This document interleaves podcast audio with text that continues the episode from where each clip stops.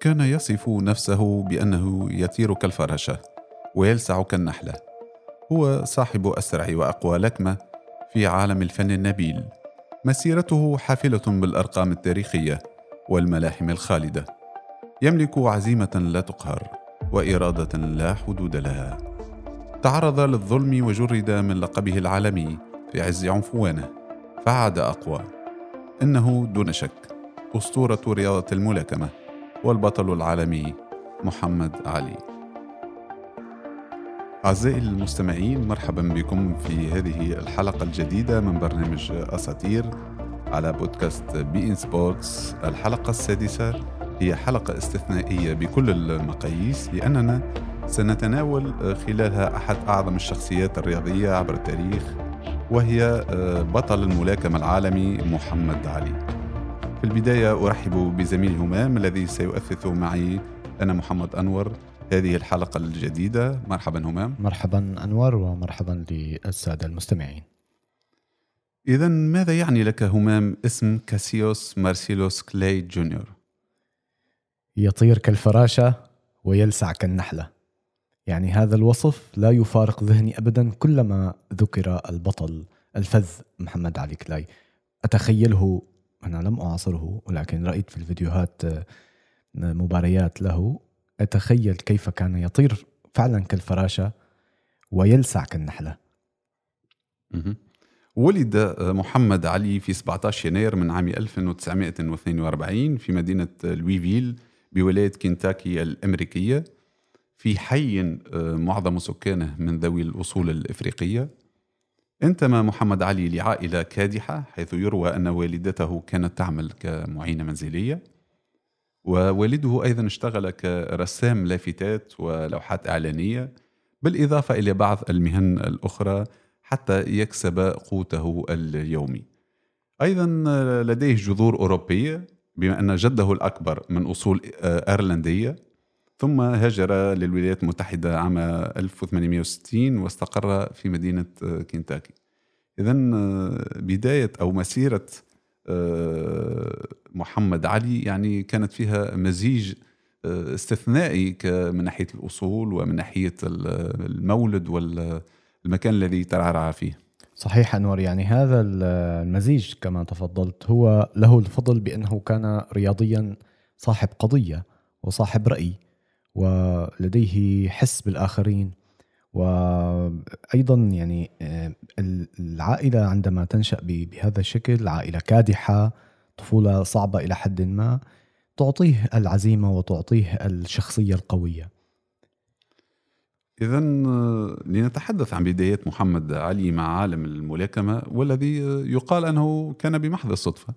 صحيح أنور هناك قصة يعني لافتة بعض الشيء. كيف هو اختار الملاكمة في البداية؟ عمره كان 12 سنة. ذهب مع أصدقائه لمشاهدة مسابقة للكلاب في مقاطعة كولومبيا ووضع دراجته في الخارج لكن بمجرد نهاية العرض أو المسابقة طلع لبرا ما لقى الدراجة الدراجة. تبعه. فبالتالي كان عصب كتير ونرفز وراح على الشرطة وقال للشرطي أنه أنا إذا وجدت سارق سأنهال عليه في الضرب. كان الشرطي للمصادفة أنوار اسمه جو مارتن. كان هو مدرب ملاكمة وقال له طيب أنت يعني شاف قدامه تقريبا طفل يعني قال له إذا بدك تضربه لازم أنت تتعلم الملاكمة. فعجبته الفكرة لمحمد علي. ودار حديث بينه وبين جو مارتن وراح تدرب عنده عند هذا الشرطي. فشوف يعني الأقدار لو ما لولا يعني لولا سرقة دراجته لما كان ربما في قيمة محمد علي كلاي الأسطورة و البطل العالمي الكبير يعني. بالضبط. دائما في قصص تبدو مصادفة. أذكر هنا البطلة السورية غادة شعاع البطلة الأولمبية في قريتها لحقت أرنب. ومسكته. فبالتالي, فبالتالي لفتت نظر عائلتها إنه عندها سرعة رهيبة. نفس القصة تقريبا في في قصة بالمصادفة يعني. يعني رجل الأمن هذا جو مارتن كان بمثابه الداعم الأول والذي ساهم في صقل هذه الموهبة الاستثنائية. نعم علينا أن نشكره. يعني قدم لنا بطلا رياضيا مثل يعني يهتدى به يعني يلهم الآخرين ونمشي على هذه المسيرة لأنه لم يكن فقط رياضيا كان صاحب رأي صاحب قضية. يعني حادثة غريبة جدا لأن جو مارتن المعلومة يعني لم يكن من ذوي البشرة السمراء. كان هنا كان هناك يعني آه، شيء غريب في الموضوع لأنه ليس من آه، فصيلة أو نقول يعني من ذوي البشرة البيضاء. ونعرف ماذا كان يحصل في الولايات المتحدة الأمريكية. أكيد. في ذلك الوقت والمشاكل الكبيرة والعنصرية التي كانت تحصل. يعني هناك دائما خير وسط كل شر. بالتأكيد بالتأكيد. ربما هو رأى فيه الموهبة ولو أحب أن يدعمه. ومثل ما حكيت يعني بهذاك الزمن كان في عدائية واضحة تجاه أصحاب البشرة السوداء وكان في عنصرية صارخة جدا يعني. وبالتالي أيضا هذا يعني تحدي آخر لمحمد علي كلاي أنه طلع من هاي البيئة من هاي الصعوبات ورسم وشق دربه. إذا لنغوص الآن قليلا في مسيرة أيقونة الفن النبيل محمد علي فما هي أبرز ملامحها؟ أنور كل مسيرته تتلخص ب 21 عام آه، يعني حياة مهنية أسطورية لمحمد علي كلاي في عالم الملاكمة. أعوام ستبقى في الذاكرة إلى الأبد. ألقاب ستخلد دائما باسمه. 56 انتصار من أصل 61 مباراة. تخيل. 56 انتصار من أصل 61 مباراة يعني خمس مباريات فقط خسرا خمس هزائم صحيح. بالضبط. 37 فوز بالضربة القاضية. بطل العالم في الوزن الثقيل ثلاث مرات. صاحب الميدالية الذهبية الأولمبية كما كما يعلم الجميع في روما 1960 ولكن ال ال المهم في هذا الموضوع أنه كان عمره 18 سنة وقت حقق الذهبية في ذلك الوقت. صحيح مثل ما تفضلت 61 نزال منهم 56 فوز بالمجمل 37 بالضربة القاضية خمس هزائم فقط في مسيرة البطل العالمي. من أبرز ربما النزالات التي آه، كان فيها محمد علي آه، عنصرا بارزا آه، نذكر جو فريزر، كين نورتون ليون سبينكس لاري هولمز تريفور بيربيك يعني العديد والعديد من النزالات المهمة والتاريخية. صحيح صحيح. وبالأخص نزاله مع جو فورمان ولقب بذلك الوقت بنزال الغابة. نزال نزال الغابة صحيح ضراوته صحيح. وقوته وشراسته. م. من أقوى المباريات في التاريخ يعني محمد علي بيقول أنه هي أفضل مباراة له على الإطلاق في مسيرته. نعم ونحن نتحدث عن أبرز النزالات. سأذكر بعض هذه النزالات. الأول النزال الأول كان في 1964 حيث صدم محمد علي العالم وحقق إنجازا تاريخيا عندما استطاع إقصاء الملاكم سوني ليستون عن عرش الملاكمة وهو لا يتجاوز تقريبا 22 عام. تماما. آه، ليلفت الأنظار الجميع إلى أنه سيكون واحدا من الأساطير الملاكمة وتابع محمد علي مسيرته الذهبية حتى عام 64 مثل ما قلنا عندما تمكن من التغلب آه، على سوني ليستون وتوج بلقب بطولة العالم للملاكمة عن عن الوزن الثقيل لأول مرة في تاريخه. نعم. المعركة الثانية هي دارت في عام 1966 وكانت على الأراضي البريطانية ضد هنري كوبر الذي خاض المباراة على أرضه وأمام جماهيره. وفي هذا النزال ألحق محمد علي ضررا كبيرا بمنافسه حيث تعرض لإصابة قوية على مستوى الجبين. وسالت الدماء في المباراة حسب ما شفناه يعني وما واكبناه في الوثائقيات. ليطلب الحكم من كوبر الانسحاب للعلاج ثم فاز محمد علي في اللقاء بعدما قدم عرضا استثنائيا. النزال الثالث هو نزال جو فريزر في عام 1971 آه هذا النزال كان تاريخيا للغاية آه لأنه دار بينهما في نيويورك وأطلق عليها آه من بعد نزال القرن العشرين. نعم.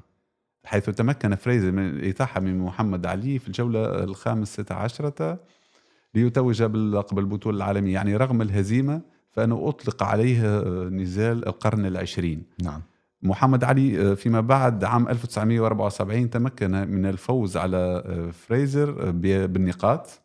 وكان اللقاء الثالث في الحقيقة بينهما والأخير الذي جمع بين البطلين في عام 1975 تقريبا في مانيلا آخر نزال بين الملاكمين حيث أوقف النزال برغبة من فريق فريزر في الجولة ال 14 إذا النزال الرابع الآن هو ضد جورج فورمان. حيث تمكن محمد علي من هزيمة آه، فورمان الذي- كان قد هزم فريزر وفاز بلقب الوزن الثقيل. في الكونغو الديمقراطية أعتقد هذا النزال زائر سابقا. في تشرين الأول أكتوبر 1974 حيث وا- واجه آه، محمد علي مثل ما تفضلت همام فورمان في الظهير وهي الآن تسمى الكونغو جمهورية الكونغو الديمقراطية. نعم. حيث هزمه بالضربة القاضية في الجولة الثالثة ليستعيد لقب البطولة التي حصل عليها أول مرة قبل تقريبا عشر سنوات. إذا نزالات كبيرة وتاريخية لمحمد علي وكانت كلها تقريبا عليها إجماع حتى هزايمه كانت تاريخية. تماما تماما. يعني البطل دائما يشغل ال- الساحة يشغل الإعلام في فوزه وفي خسارته. ولكن حرفيا يعني الخسارات كانوا معدودين على أصابع اليد الواحدة أنور. يعني صحيح. خمس هزايم يعني؟ خمسة زائم في مسيرة على مدى ليس 21 بالكثير. سنة فهو بطل مطلق يعني. بطل استثنائي صحيح. تماما. عام 1964 اعتنق محمد علي الإسلام نعم. وغير اسمه من كاسيوس الذي يرمز للعبودية هذا الاسم. إلى محمد علي وهو ما مثل منعرجا في حياته الشخصية والرياضية أيضا. نعم. يعني في في تلك اللحظة آه، قال أنا آه، آه، ديني الإسلام وأنا وال يعني و أؤمن بالله وديني الإسلام. فبالتالي هو عم يعني كان هذا التحول والمنعرج في في كما تفضلت أؤمن بوجود الله والسلام. يعني هو كان داعية سلام أيضا. يعني. كان رجلا آه، للتوافق لتقريب وجهات النظر يعني صاحب قضية. أنا أنا أحب هذا اللقب له لمحمد علي. إذا اختار محمد علي الانتماء إلى جماعة أمة الإسلام نعم. أسوة بالداعية إليجا محمد. إليجا محمد هو آه، داعية إسلامي آه، ذو أصول إفريقية مولود في جورجيا.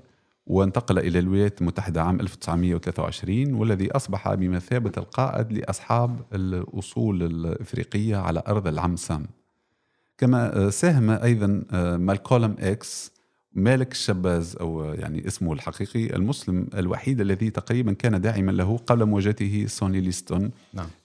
ساهم بشكل كبير في اعتناقه الدين الإسلامي أيضا. كان محمد علي يتردد سرا على إليجا محمد ويحضر دروسه الدينية في مطلع تقريبا الستينات. بعد كان محمد علي هو كان يختلف قليلا مع أفكار جماعة أمة الإسلام وجاءت القطرة التي أفاضت الكأس بمقتل مالكولم إكس في 21 فبراير من عام 1965 آه، نحن نتحدث عن مالك الشباز طبعا. نعم. والتي اتهم خلالها أعضاء من جماعة أمة الإسلام باغتيال آه، الداعية. وهنا محمد علي اختلف معهم. صحيح. اعتنق الإسلام السني المذهب السني بعد هذه الحادثة وتقريبا قطع مع أمة الإسلام وإليجا محمد. أنشأ أيضا أعماله الخيرية محمد علي الدعوية محاولا تصحيح الصورة الخاطئة التي آه، رسخت في أذهان الغرب عن الإسلام والمسلمين يعني بشكل عام هناك تحول كبير أيضا على مستوى ال- ال- الديني بالنسبة لمحمد علي فضلا عن المستوى الرياضي طبعا. نعم هو يعني لم يعتنق الإسلام وبقي آه، يعني بدون نشاط آه، يعني تحول إلى آه، شخص ي- كان يفكر. يفكر ويمثل الإسلام بطريقة رائعة وينقل صورة حسنة للمجتمع الذي هو به وبالتالي هو لم يكتفي بدوره بدوره كرياضي فقط.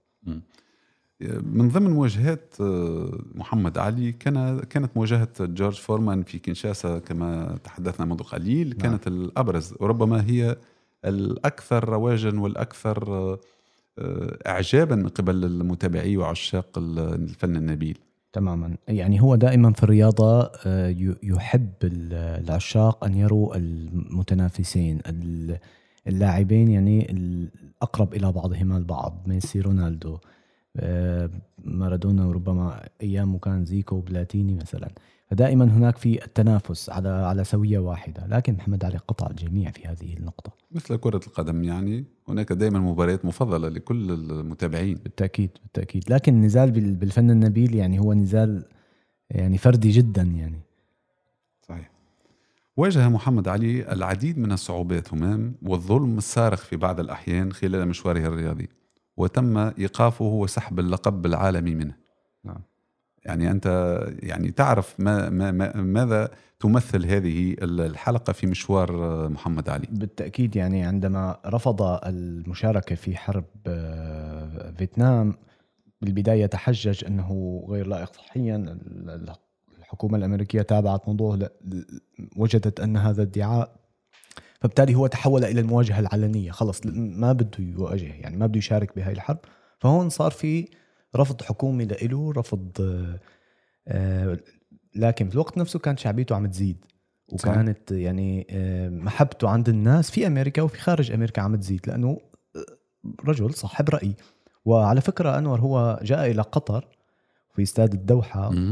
وهنا يعني احتفي به وأنا في 2016 يعني بعد وفاته آه آه يعني شفت معرض آه في متحف الفن الإسلامي للتعريف ب عملية التكريم. تكريم تعريف به يعني تخيل كم أش... عدد الأشخاص الذين لا يعرفون الكثير عن محمد علي كلاي ربما يعرفون فقط أنه ملاكم واسمه محمد علي كلاي دخلوا وقرأوا عن نزالاته رأوا صور له تعرفوا على مسيرته وهذا شيء جميل أن ترى الرياضيين في المتاحف. صحيح.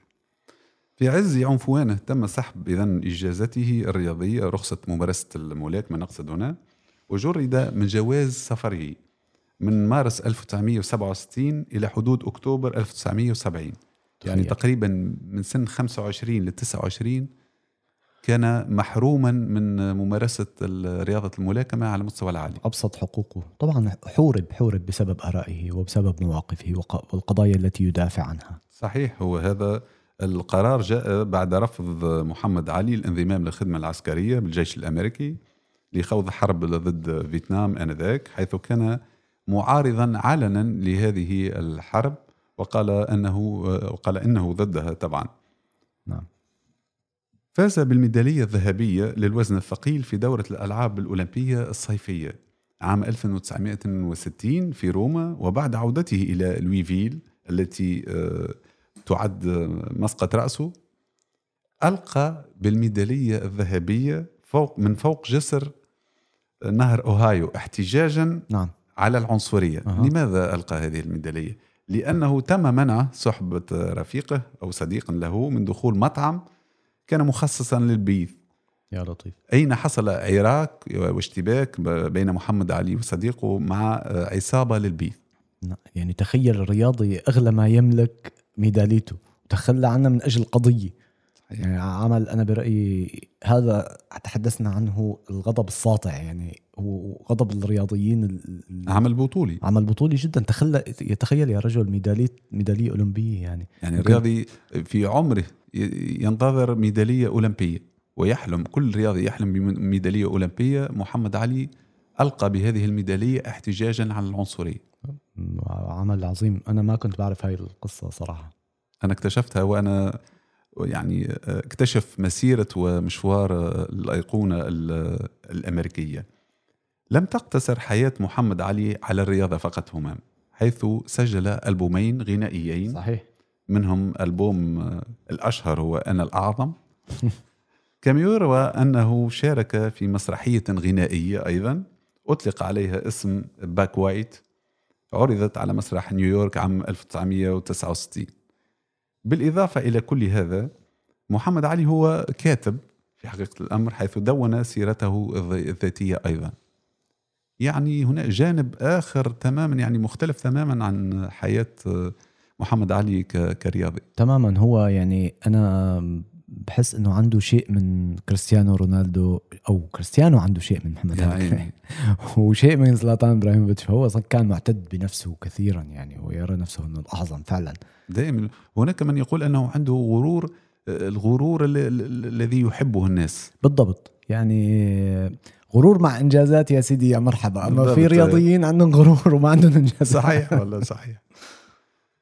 أكبر دليل على قيمة محمد علي المجتمع الأمريكي هو سن قانون محمد علي لإصلاح رياضة الملاكمة وهو آه، بطبيعة الحال قانون آه، جديد لحماية الملاكمين. أكيد أنك سمعت عن هذا القانون. بالضبط. وهذا أكبر تكريم للرياضيين. يعني أنت طلعت قانون يتفق مع المبادئ التي كان يقاتل لأجلها. يعني محمد علي كلاي حرفيا كان يقاتل من أجل مبادئه. طلعت قانون يت- يتسق مع هذه المبادئ. واعتراف بقيمة محمد علي. تماما وسميت القانون باسمه. صحيح. هو قانون اتحادي في حقيقة الأمر. تم تقديمه عام 1999 ثم تم إقراره في 26 مايو من عام 2000 من قبل الكونغرس. يهدف هذا القانون لحماية حقوق ورفاهية الملاكمين وزيادة الروح الرياضية والنزاهة في صناعة الملاكمة. كان أيضا ضد الاستغلال وتضارب المصالح والإكراه بالنسبة لكل الملاكمين. تم تشييد بعض المعالم من أجل تكريم أيقونة الملاكمة من أبرزها مركز محمد علي وهو مركز ثقافي ومتحف خاص بالأسطورة الأمريكية. هناك أيضا جدارية جدارية محمد علي في لوس أنجلوس آه، الشهيرة والعديد من المعالم الأخرى. يعني احتفى الأمريكيون رغم العنصرية ورغم كل شيء احتفى بهذا الرمز العالمي. طبعا تحولوا من محاربته إلى التباهي بأخلاقه وفكره. يعني دائما تتغير الظروف تتغير المجتمعات تتغير القيادات. فبالتالي يصبح يعني هو في ذلك الوقت عندما كان ملاكما يعني قبل وفاته كان في قضم المعركة. الآن شعروا بقيمته. دائما نقول كصحفيين وكتاب رياضيين أن قيمة الرياضيين العظماء تبدأ من حيث إما يعتزلون أو آه، يتوفون. فبالتالي نشعر بالإرث ال- الذي ترك. يعني أنا وأنت من جيل. بعد محمد علي كلاي بكتير فما شفنا. لم نواكبه صحيح. بس آه، لمسنا عند آبائنا عند قبلنا بالإعلام قرأنا بحثنا. فبالتالي شعرنا شو هذا الأثر اللي تركه هذا الرياضي. هو أكثر من مجرد ملاكم. يعني هو رياضي عنده مسيرة طويلة من الإنجازات وال- والمعارك مع الظلم مع العبودية مثل ما تفضلت يحارب الإكراه في كل شيء صحيح. لماذا أطلق على الملاكمة بالفن النبيل حسب رأيك؟ والله أعتقد إنها تشبه آه، بعض نزالات النبلاء أو المبارزات القديمة 100% بالضبط أولا الملاكمة هي أقدم رياضة قتالية أولمبية وتعتبر كذلك من أقدم الرياضات ممارسة عبر العصور. أول من اهتم بالملاكمة في العصر الحديث هم نبلاء إنجلترا. نعم. فقد تم وضع قوانين وتشريعات خاصة بها. إذا الإنجليز لهم الفضل في كرة القدم وفي الملاكمة. أمة والله. عظيمة. طبعا طبعا يعني تركوا لنا اختراع رهيب جدا هو كرة رياضي. إرث رياضي لا شك لا شك. لكن أنا بما أنه فتحنا سيرة الملاكمه أتمنى دائما كل السلامة وكل الصحة لل- للملاكمين لأنه صراحة لما بشوف النزالات وهيك يعني بحب دائما أتأكد من عوامل السلامة من من هناك الخوذة. نزالات دامية. النزالات دامية ودائما هذا النقاش مفتوح على أعلى المستويات. كم هذه الرياضة فعلا لا تسبب الأذى على المدى الطويل فيما بعد اعتزال اللعب خصوصا بمنطقة الرأس. يعني أتمنى دائما العوامل الصحية تكون في عين الاعتبار لدى اللجنة الأولمبية الدولية. ولدى جميع ال- ال- الذين يضعون القوانين في هذه المسابقة. إذا استكمالا لما قلته منذ قليل أول من اهتم بالملاكمة هم نبلاء إنجلترا ولذلك آه، كانت التسمية آه، نسبة لنبلاء إنجلترا يعني الفن النبيل نعم. ثم في هذا أول ركن من الأركان الثلاثة التي يعود آه، تسميتها للفن النبيل الركن الثاني هو أن المواجهة تتم وجها لوجه face to face نعم. وإذا ما استدار المنافس بظهره يمنع منعا باتا ضربه وتسديد اللكمات إليه وهذا يعبر عن النبل والمروءة بالضبط. والشجاعة بالضبط. لأن ضرب المنافس من الخلف هو بمثابة الغدر. تماما. هذا درس يعني من رياضة الفن النبيل. أنا عجبتني كتير هاي النقطة والله. يعني إنه أنت ما ما تنطر لحتى تشوف آه، منافسك آه، داير ظهره وهو غير منتبه. بالعكس واجه. يعني هذا درس بالضبط. من الريا من حلبات الرياضة إلى الحياة. صحيح درس إنساني. إذا الركن الثالث لتسمية الملاكمة بالفن النبيل هو أنه يمنع للكم المنافس منعا باتا إذا ما لمست ركبته القاع. أو لامس أو لامس القاعة أحد قفازيه. يعني إذا كان واقع. بالضبط. هذه الأحكام من التشريعات في القدم الضاربة في القدم في الملاكمة ولكن ما زالت فاعلة إلى حد اليوم. يعني آه، لو نحوصل هذا الطرح فإن رياضة الملاكمة هي فعلا ترقى إلى درجة الفن النبيل. أنا بتشكرك يا أنور. أنت يعني فتحت لي ذهني على معاني ما كنت بعرفها من قبل. هلأ أنا عرفتها ويمكن حتى أحكي فيها. يعني ليش اسم الفن النبيل؟ التسمية لم تكن فقط هيك يعني مجرد تسمية إلى أسبابها. بالضبط لأنه صورة ت- تكون دائما غير واضحة بالنسبة لل- بالضبط. للمتابعين والعشاق الرياضة. فأنه آه، يتم التركيز على اللقطات الدامية والمشاكل التي تحصل صحيح. في عالم صحيح. الملاكمة. لكن الاكثر مشاهد وكذا. فعلا الجوهر الجوهر هو جوهر آه، نبيل نعم. ونقي. نعم. والبند الأخير يعني إذا خصمك ركبته صارت على الأرض ما ما بحق لك توجه له اياه لكن- وإلا تخسر المباراه رهيبة والله. حتى يعني لو كنت متقدم بالنقاط فإنك تخسر المباراه شيء جميل. ما تستغل تستغل سقوط منافسك و... و... وتجهز عليه أكثر وأكثر. رهيبة والله. بالضبط. درس آخر. صحيح. اذا يعد محمد علي آه، رياضي آه، ذو رساله صاحب رسالة. على جميع المستويات كان آه، صاحب مبادئ وأفكار وأخلاق رفيعة نعم. بقيت ارثا لعموم الرياضيين وعشاق الرياضة. نعم أنور وهذا ما نقوله دائما للرياضيين الشباب وال... والصاعدين حديثا. يعني يمكن أنت تجي على الرياضة ما عندك رسالة شخص عادي كذا أوكي تمام. لكن لما بتصير مشهور لما بتصير آه، رياضي من النخبة النخبه نقصد بها كممارسة رياضة فانت مطالب إنه يكون عندك رسالة أنت مطالب إنك تكون قدوة أنت مطالب إنك تحمل بعض القيم. يا سيدي حتى لو ما بدك تحمل بعض القيم لازم تكون آه، المثل الحسن. صحيح. لا زملائك الأصغر منك. والنشأ اللي جايين يتعلموا هاي الرياضة ولا كل العالم اللي عم تشوفك. يعني صحيح. نحن ما عم نشوف محمد علي كلاي بس رياضي مواظب ومجتهد وبطل أولمبي وكذا. لا لا تعدل هاي أصبح في مكان آخر في حلبة أخرى تماما يعني. فبالتالي دائما أنا أطالب يا سيدي أكثر من الرياضة. المشاهير على مستوى كل الفنون وكل ال...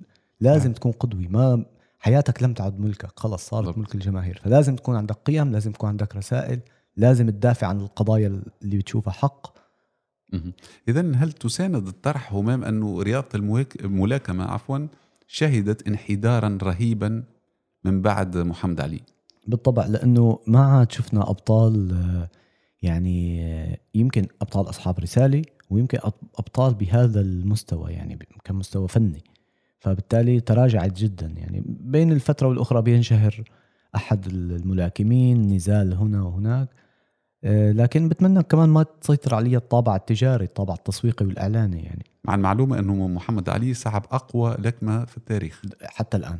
إلى حد الآن رغم تطور أساليب التدريب ورغم تطور الرياضة بصفة عامة والملاكمة بصفة خاصة لكن سبحان الله عطيته من الله يعني لا. زالت حتى الآن بالضبط إذا لنحوصل الآن المسيرة الطويلة والمجيدة لمحمد علي والمليئة بالأحداث الهامة كيف كانت برأيك بشكل عام؟ أنا رح أقول النصف الأول وأترك لك النصف الثاني تفضل. البدايه فتى شجاع بطل أولمبي ثم ملاكم تاريخي ثم أيقونة آه، خلدها التاريخ.